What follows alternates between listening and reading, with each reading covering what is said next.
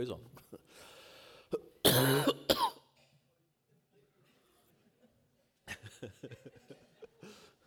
Kunne ha venta med å skru på mikrofonen til jeg hadde gjort det der.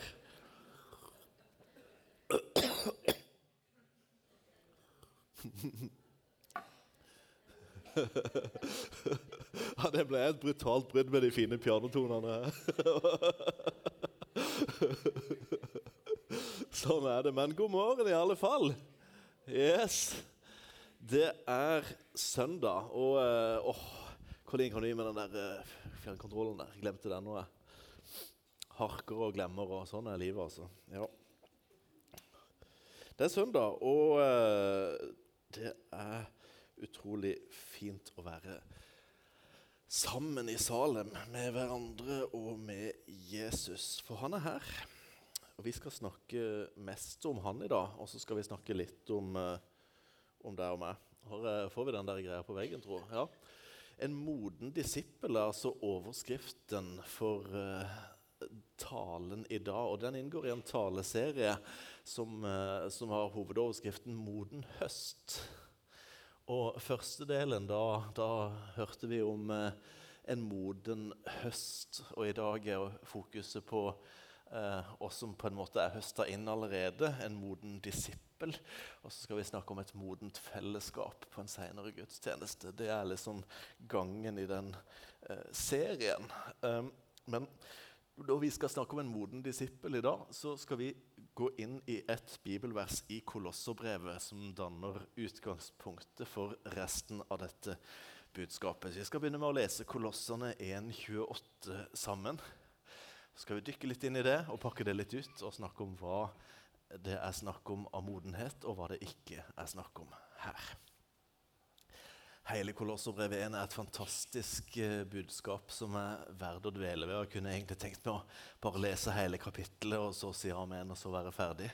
Eh, for det er en sånn utrolig fin utmalelse av Jesus, den han er, og, og, og, hva han har gjort for oss. Og eh, at han har fullført eh, vår mulighet til å komme nær til Gud med, med våre liv og få evig liv sammen med han i himmelen, og at han vil bo i oss og derfor gjøre sin kraft tilgjengelig for oss.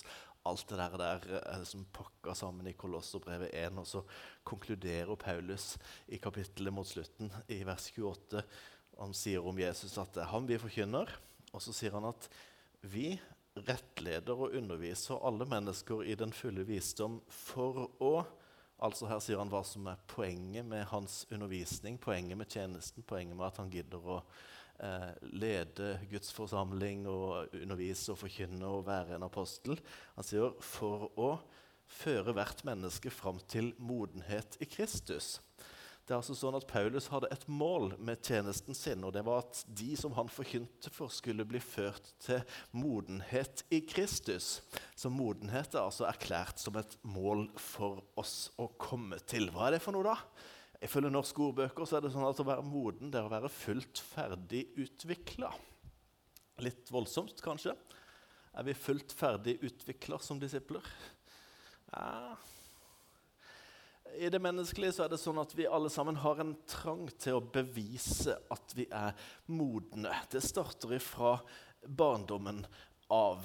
Jeg har uh, sett noen småvesener vokse opp uh, i familien vår. Jeg oppdager det at uh, av og til når jeg kommer i skade for å, at de syns jeg liksom behandler de litt for barnslig eller sier ting på en måte som de har vokst litt fra. eller sånn. Merker du det at som forelder så kan du gjøre sånn av og til? Er det bare meg? Ja så, så, har jeg av og til fått høre at ah, 'Pappa er ikke en baby', altså. Eh, og i det åndelige, eh, så, så, så, det ligger liksom i oss fra starten av livet at vi dras mot det å ville demonstrere modenhet. Det er et iboende ideal i oss. Vi vil vokse, og vi vil på en måte bevise oss sjøl at vi har kommet et stykke på vei. altså. Det går litt bra med oss. Det, sånn, sånn har vi det som mennesker. Og i, i, det åndelige livet så kan vi fort dra med oss inn noe av det der, der fordi at vi rett og slett er strebere av natur. Derfor er det sånn at når overskriften i dag er 'en moden disippel', så eh, er det ikke så unaturlig om, det, om du sitter her som, eh, som, kjenner på at eh, nå gruer jeg meg litt, for det kommer sikkert en formaning om noen krav jeg må oppfylle, og et stadie jeg ikke helt greier å leve opp til enda. Kanskje vekker det forventningspress, kanskje vekker det til og med stressfaktor å snakke om å bli en moden disippel. Um, for vi vil jo helst ikke være noen babyer, altså. Um, og det blir jo ikke bedre hvis vi bytter oversettelse, for uh, det jeg leste nå, var fra 2011-oversettelsen. Og hvis vi leser uh, f.eks. Bibelen Guds ord-oversettelsen, så står det Ham forkynner vi, og vi formaner og lærer hvert menneske i all visdom for at vi kan framstille hvert menneske fullkomment i Kristus Jesus. Og Da skal du altså ikke bare bli moden, men rett og slett eh, fullkommen, som eh, jo betyr å ha kommet fullt ut fram. Egentlig omtrent den samme eh, betydninga som å være ferdig utvikla, men når jeg hører 'fullkommen', så gir det gjerne enda sterkere assosiasjoner til perfeksjon. Så hva er den modenheten vi har som mål, og hva er den ikke? Sånn helt konkret tenkte jeg vi skulle snakke litt om. Er det greit? Ja. Så da begynner vi med tre ting den ikke er. Hvilken, hva er det den modenheten vi skal føres inn i, ikke er for noe? Ok? Nummer én den er ikke å ha blitt uh, fullt ut kvalifisert til å mestre og leve sånn som Jesus. Um, det er nemlig sånn at Vår status i forhold til Jesus den er ifølge Bibelen at vi er disipler. Og disippel er jo bare et annet ord for lærling. Og så er det han som er mesteren. Det står ikke noe sted i Bibelen noen historie om noen som på et punkt i dette livet slutter å være disippel og begynner å være mester fordi de har fått mesterbrevet. Sånn at fra da av er de vi skal følge, Jesus og de andre mesterne. Sant? Tvert imot så står det at vi hele veien gjennom dette livet får lov til å operere i Hans navn. Vi får lov til å be i Hans navn. Vi får lov til å ta autoritet i Hans navn. Og vi får lov til å uh, gjøre alt det Han kaller oss til, ikke i vårt eget navn, men i Hans navn, i Jesu navn, som er navnet over alle andre navn. Det er nemlig sånn at Hvis du bestiller en snekkertjeneste eh, hos et byggefirma, så bestiller du den tjenesten fra byggmesteren. Og så sender han kanskje ut noen andre medarbeidere til å utføre jobben. Og kanskje er de på lærlingnivå, de som gjør det. Men når jobben er gjort, så er det mesteren som er ansvarlig for resultatet likevel. Og sånn er det i disippellivet også. Vi får lov til å tjene Han. Han er ansvarlig om det blir noen resultater av det vi gjør. Så vi har disippelstatus livet ut. Hvis det å være moden betydde å ha fått mesterbrevet, sånn at vi fikser alt på linje med Han, eh, så ville Bibelen ha motsagt seg selv, for da ville moden og disippel vært to forskjellige ting. Ikke sant? Så det betyr det ikke. Det andre det ikke ikke betyr. Modenhet er ikke en prestasjon.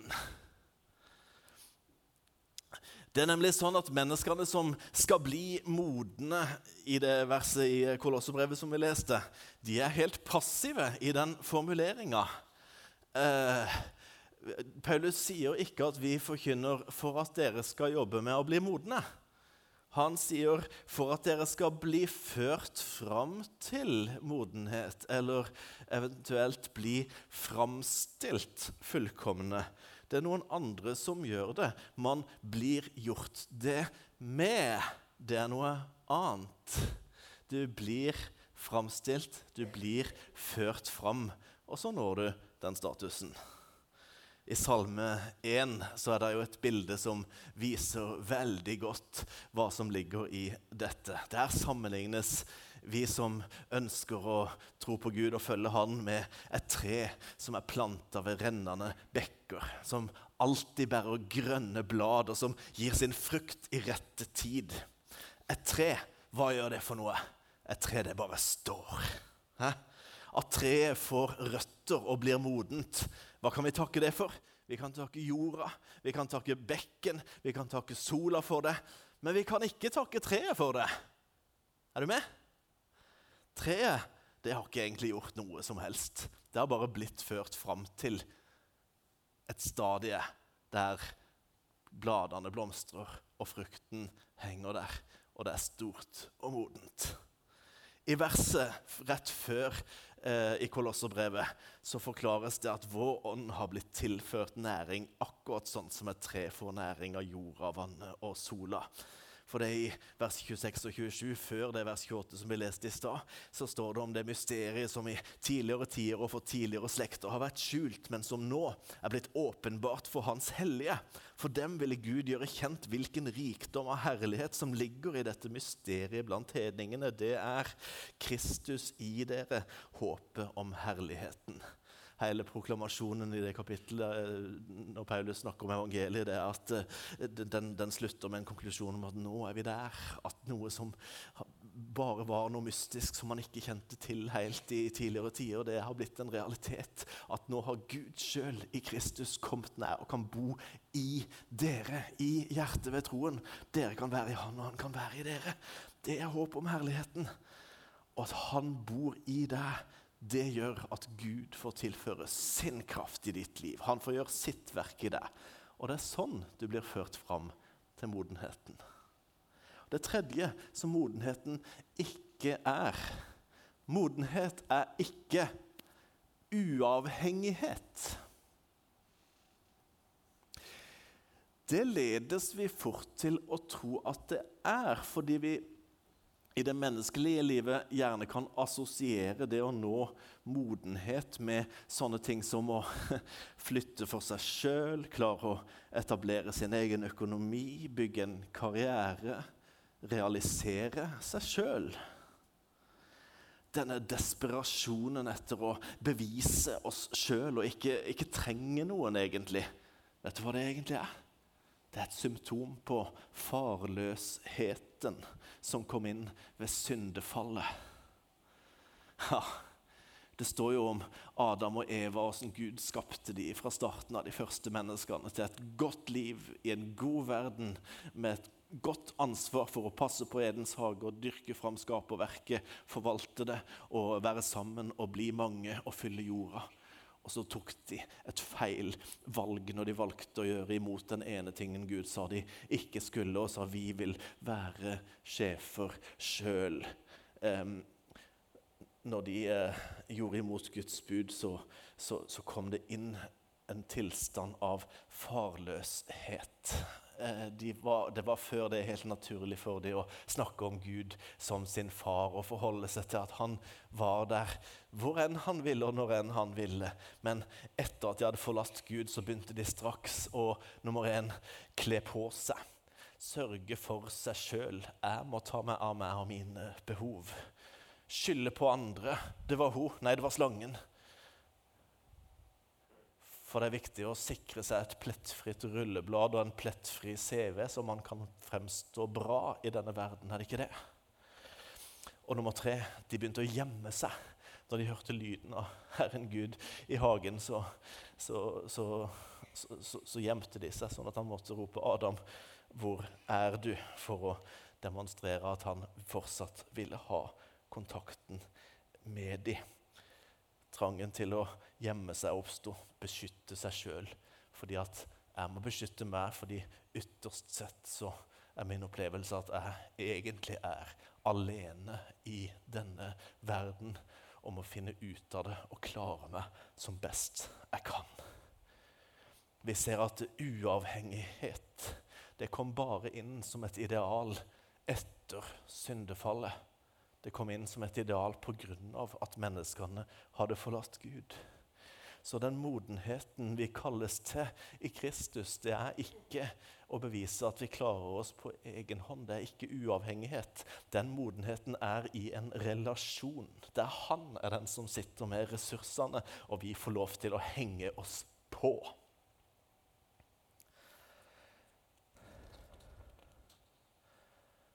Det er det er den modenheten Så modenheten er ikke en, en, en tilstand av uavhengighet.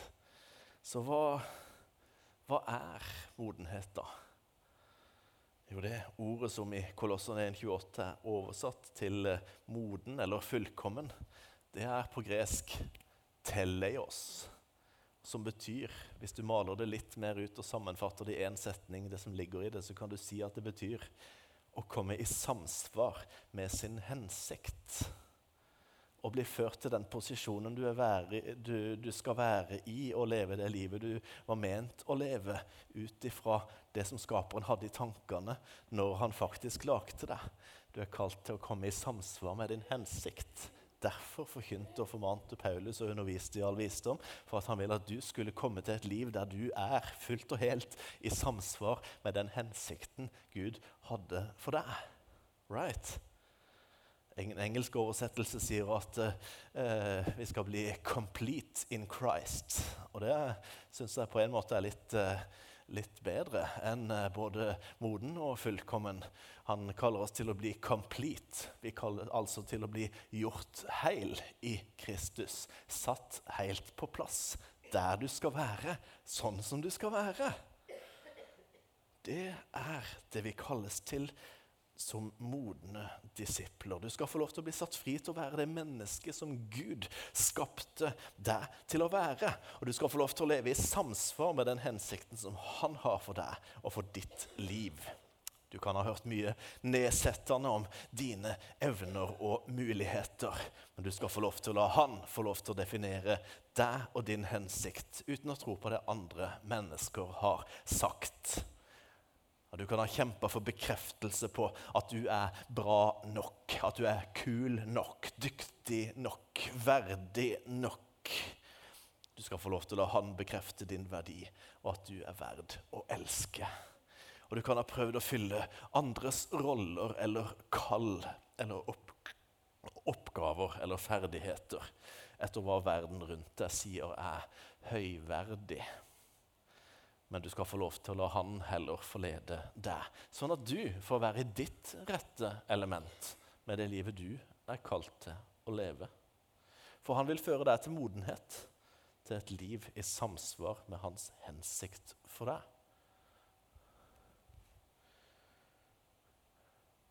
Så må vi dykke litt mer inn i hva er da en moden disippel. En moden disippel som er i samsvar med det livet han er ment å leve, er som et lite barn. Er det bra? Ja, Jesus i Matteus 18, vers 1-4, da er han i en situasjon der han eh, får se at disiplene hans driver og krangler om hvem som er størst, hvem som fortjener sjefsposisjonen. Sikkert hvem som er mest moden, da, antar jeg, for det, de måtte vel antagelig tenke at eh, eh de mest modne måtte være sjef. Eh, og for de fremste posisjonene iblant de. Hva gjør Jesus når han ser en sånn type diskusjon?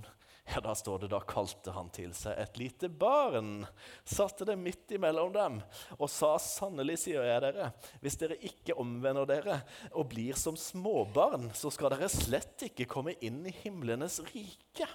Derfor, den som gjør seg selv liten som dette barnet, er den største i himlenes rike. Lite barn, småbarn. Hva skal vi se for oss da? Hva type barn er det snakk om? Ja, hvis, hvis, vi eh, ser på ordbruken eh, som er brukt her, så skjønner vi at eh, den type barn det er snakk om, det er et veldig lite barn. Det er ikke en tenåring. Det er ikke et skolebarn. Det er egentlig det som på engelsk kalles for en toddler. Vi har ikke noe godt norsk ord for det, men toddler er jo etter baby. Når de har lært å gå, blitt sånn ett til tre år og akkurat begynt å skal lære seg å snakke og lære å finne ut av ting i verden og utforsker og er i farta. En sånn en er forbildet, sier Jesus. Hva er det som eh, kjennetegner eh, en toddler i, for, i møte med sine foreldre? Jeg har oppdaga at eh, eh, hvordan reaksjonen er liksom, når jeg kommer og sånn, det, det, litt skifter litt med alderen i utviklingen når unger vokser. og sånt, Men akkurat i det toddler-stadiet på ett til treåringer så, så, vet jeg det at da, da har de fleste unger en naturlig reaksjon av å bli reservasjonsløst begeistra når mamma eller pappa kommer. De løper mamma og pappa i møte. De vet bare at mamma og pappa de kan alt. Og de vet bare at er det noe jeg trenger, så sørger mamma og pappa for det. Det går bra. Og de vet at jeg er hjemme i mitt hus. Her hører jeg til. Enkelt og greit. Grunnleggende tillit. Og I Guds rike så er det forbundet med storhet å være som en toddler. Så velkommen til toddlerlivet med Gud. Yes. For vi er jo Guds barn. Det står i 1. Johannes 3 at se hvor stor kjærlighet Far har vist oss. Vi får kalles Guds barn. Ja, vi er det. Vi får ikke bare kalles det, men vi er det helt på ekte. For det er en realitet at vi har blitt barn av Han og vi har kommet til Jesus og kommet til troa, nemlig å bli født på ny ved ordet og bli en ny skapning i ånden. Det har skjedd noe på innsida som gjør at uh, du ikke bare føler deg litt forandra, men du har fått et nytt liv. Du har blitt en ny baby på innsida som skal få lov til å forbli på toddlerstadiet med din far i himmelen. Der skal vi eh, modnes som mennesker uten å gå videre fra toddlerstadiet i tilliten til Gud. For å leve i samsvar med din hensikt, det er å leve som et barn hjemme hos far med den samme tilliten som en toddler har så er det sånn at Mens vi lever i den toddler-tilliten, så snakker Bibelen også om å leve et liv der vi tar til oss melk og etter hvert fast føde. Et liv der vi går fra spedbarnet Kristus til manns modenhet, men fortsatt som toddlere i relasjon til vår Far i himmelen. Mens vi lever i den utviklinga der, så Eh, så, så, så, så, har eh, Bibelen noen, eh, noen, noen tips om hvordan eh, disippellivet modnes fram. Og det er litt kanskje de samme tipsene du ville si til eh, si, ungdommen som eh, flytter hjemmefra og skal lære å leve et sunt liv. Det er nemlig sånn at for å, for å modnes og utvikle deg og holde deg lenge, så trenger du å spise, sove, trene, velge noe bort og holde noe fast. OK? Så det er, det er siste del av denne talen her. At en moden disippel spiser, sover, trener, velger noe bort og holder noe fast. Det utfordres vi til. Vi må spise. I 1. Peters brev 1, vers 2, så står det at eh, som nyfødte barn så må dere lengte etter den uforfalskede åndelige melka, for at dere ved den kan vokse til frelse. Uforfalska står det, men logikos fant vi ut at det står på gresk. Og logikos er et ord som eh, ikke sånn veldig direkte betyr uforfalska, egentlig, men det har å gjøre med det skrevne ord, og det henviser til noe som er logisk og rasjonelt og matcher intellektet. Så hvis det skulle vært litt mindre poetisk og bare tatt det sånn helt direkte, så kunne du sagt at uh, dere må lengte etter den logiske, rasjonelle, språklige melka.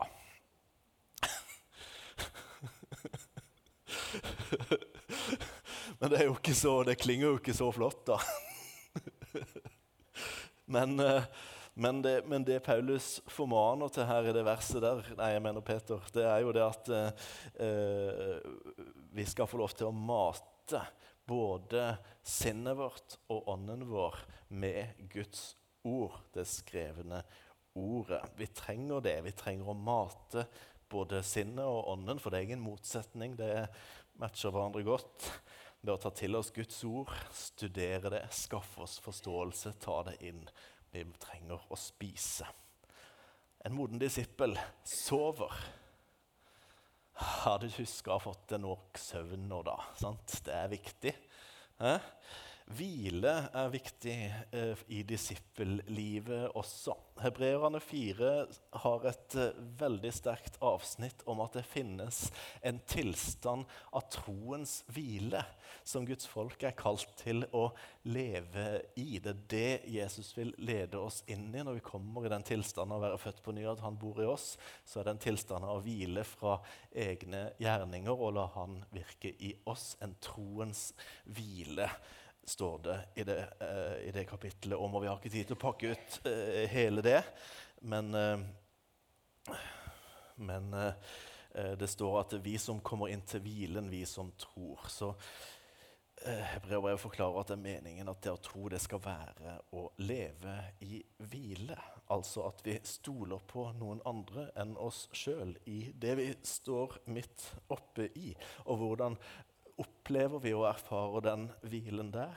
Jo, det har sammenheng med forrige punkt, for det står at å komme inn til hvilen det skjer ved at ordet ved troen smelter sammen med den som hører det.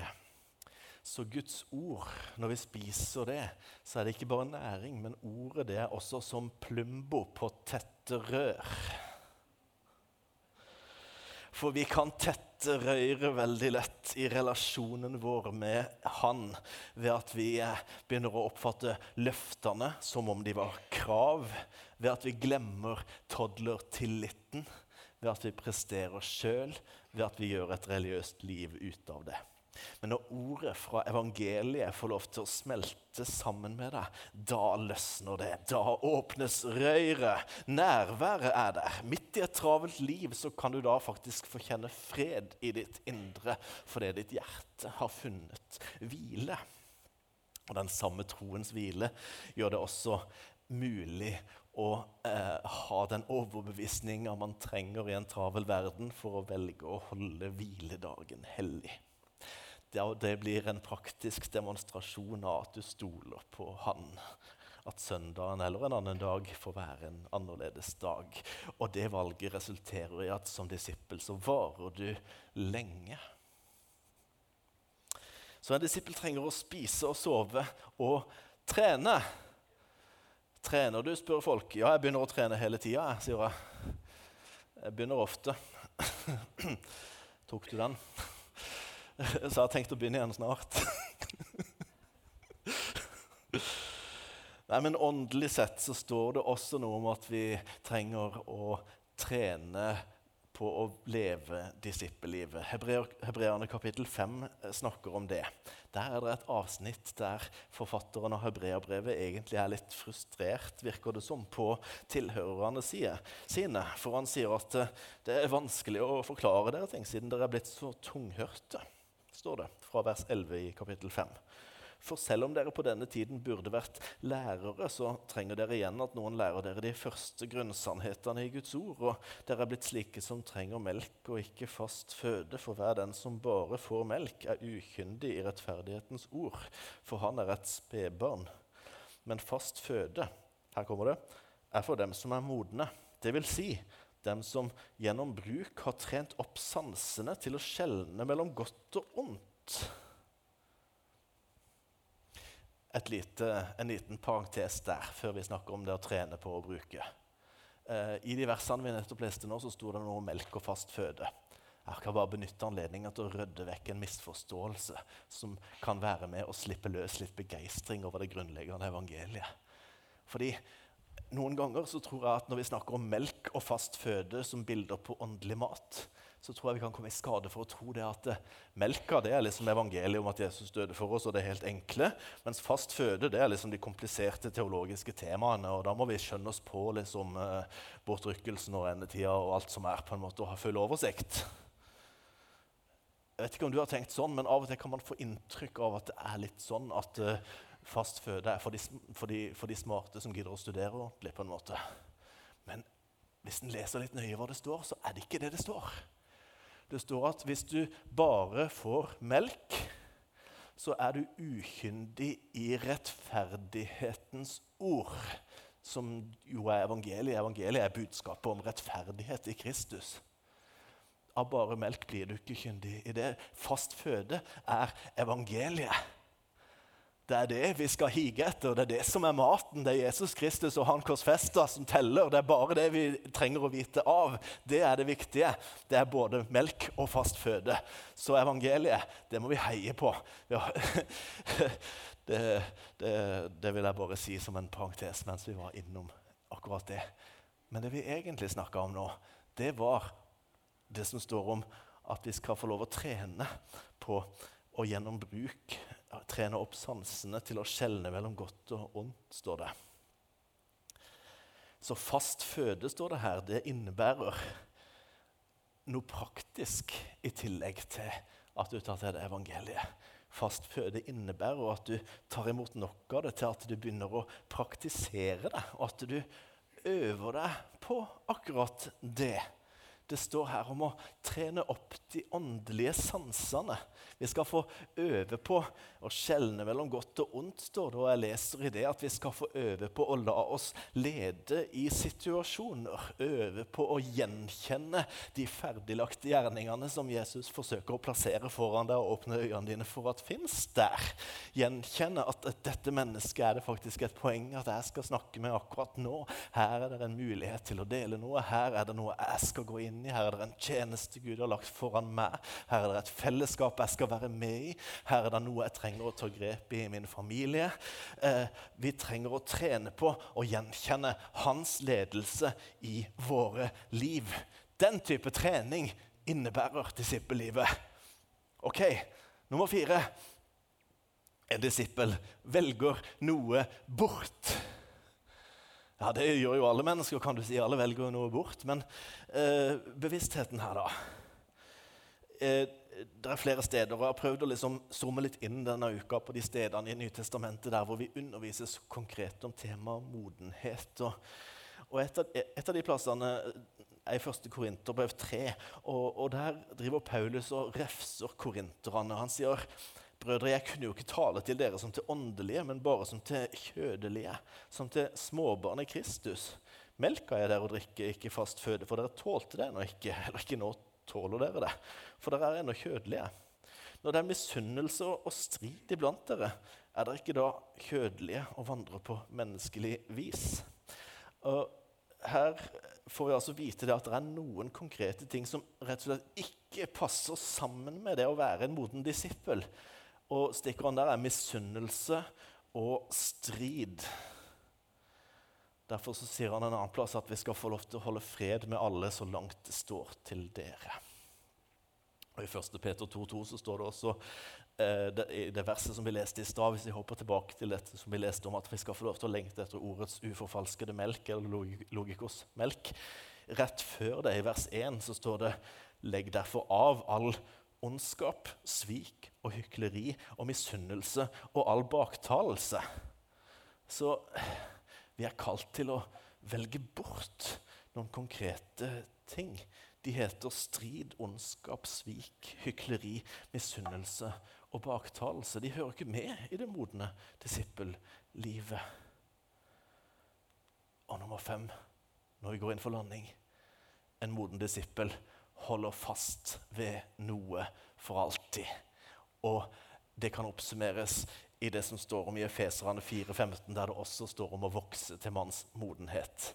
Der står det at sannheten tro i kjærlighet, så skal vi i alle ting vokse opp til Han som er hodet, Kristus.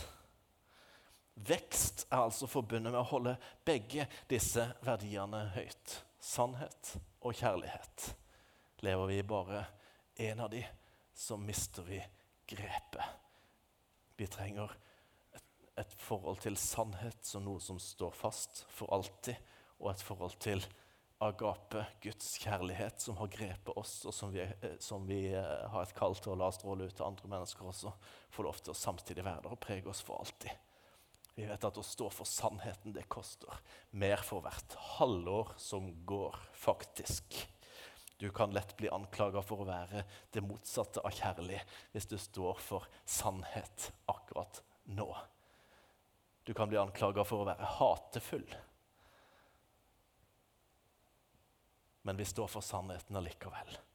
Og så bevarer vi kjærligheten til de rundt uansett. Og de som vil, kan se. at budskapet er å være sannheten tro i kjærlighet. Så jeg vet ikke hva Gud taler til deg om i ditt liv akkurat nå mens du hører på dette her. Eh, vi alle sammen kalles til det å spise ordet, sove i troens hvile, eh, trene på å se de ferdiglagte gjerningene rundt oss. Legge noe bort når det koker på innsida, og velge å holde fast på noe når det kjennes lettvint å gi etter og bare nikke. Eh, dette er disippellivet. Dette er livet som en moden disippel. Og veien inn i det begynner med å komme til Han. Det begynner med å komme til Han som et lite barn. Bestemme seg for å innta toddlerposisjonen og si OK, pappa, jeg løper deg i møte og satser på at du tar imot. Jeg lover deg at han tar imot. Han kommer aldri til å slippe deg. Han kommer aldri til å forlate deg. Han kommer til å holde i deg for alltid. Har du ikke gjort det før, så kan du gjøre det i dag.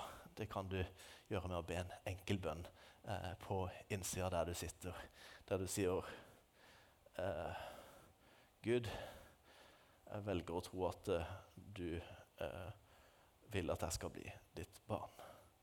Um, Jesus, jeg tror at du døde for, for min synd, og um, takker deg for at det holder. Um, og så tar jeg imot deg i livet mitt. Amen. Hvis du ber en sånn type bønn som det, trenger ikke å være ordrett, sånn som jeg sa nå, men det kan være på hvilken som helst eh, ordlegging av dine egne, men med det poenget at du faktisk kommer til han, så vil han høre deg. Uh, og der går startskuddet. Der går startskuddet på det nye livet. Der starter den nye fødselen. Det er blitt en ny skapning på innsida som ikke bare får kalles Guds barn, men som er det på ekte. Og du skal få lov til å alltid være en toddler sammen med han. Og en toddler kommer ikke bare løpende én gang for første gang. Den kommer løpende hver gang når pappa er i nærheten. Så det kan du også gjøre. Du kan få komme til han igjen og igjen og igjen. og igjen. Du kan få komme til han akkurat nå der hvor du sitter. Du kan, eh, du kan, eh, du kan på en måte løpe en åndelig møte der du sitter helt i ro uten at noen trenger å vite det. Du kan også ta en tur på bønnerommet og få forbønn og, og, be litt sammen med noen uh, inni det. Det kan også være godt. Det, dørene dertil åpnes nå på, på, øyeblikket, sånn at når vi, når vi nå ber sammen og, og, og, synger litt sammen etterpå, så, så, er det mulig å søke forbønn. Um, så jeg ber om at så, så, du kan, så du, kan få, du kan få søke han. Og, og, kjenner du at han minner deg om, eh, om, om, om, en justering som skulle vært gjort på et av disse punktene, om spising, soving, trening, bortlegging og fastholding, så, så kan du få lov til å snakke med han om det også i dag. Bruk muligheten til forbund om du trenger det. Ta et oppgjør med han der du sitter om du trenger det. Men uh, han er der for deg. Han er der akkurat nå. Han kommer hver av oss i møte. Han er her faktisk på ekte. Far i himmelen, takk for at du eh, eh,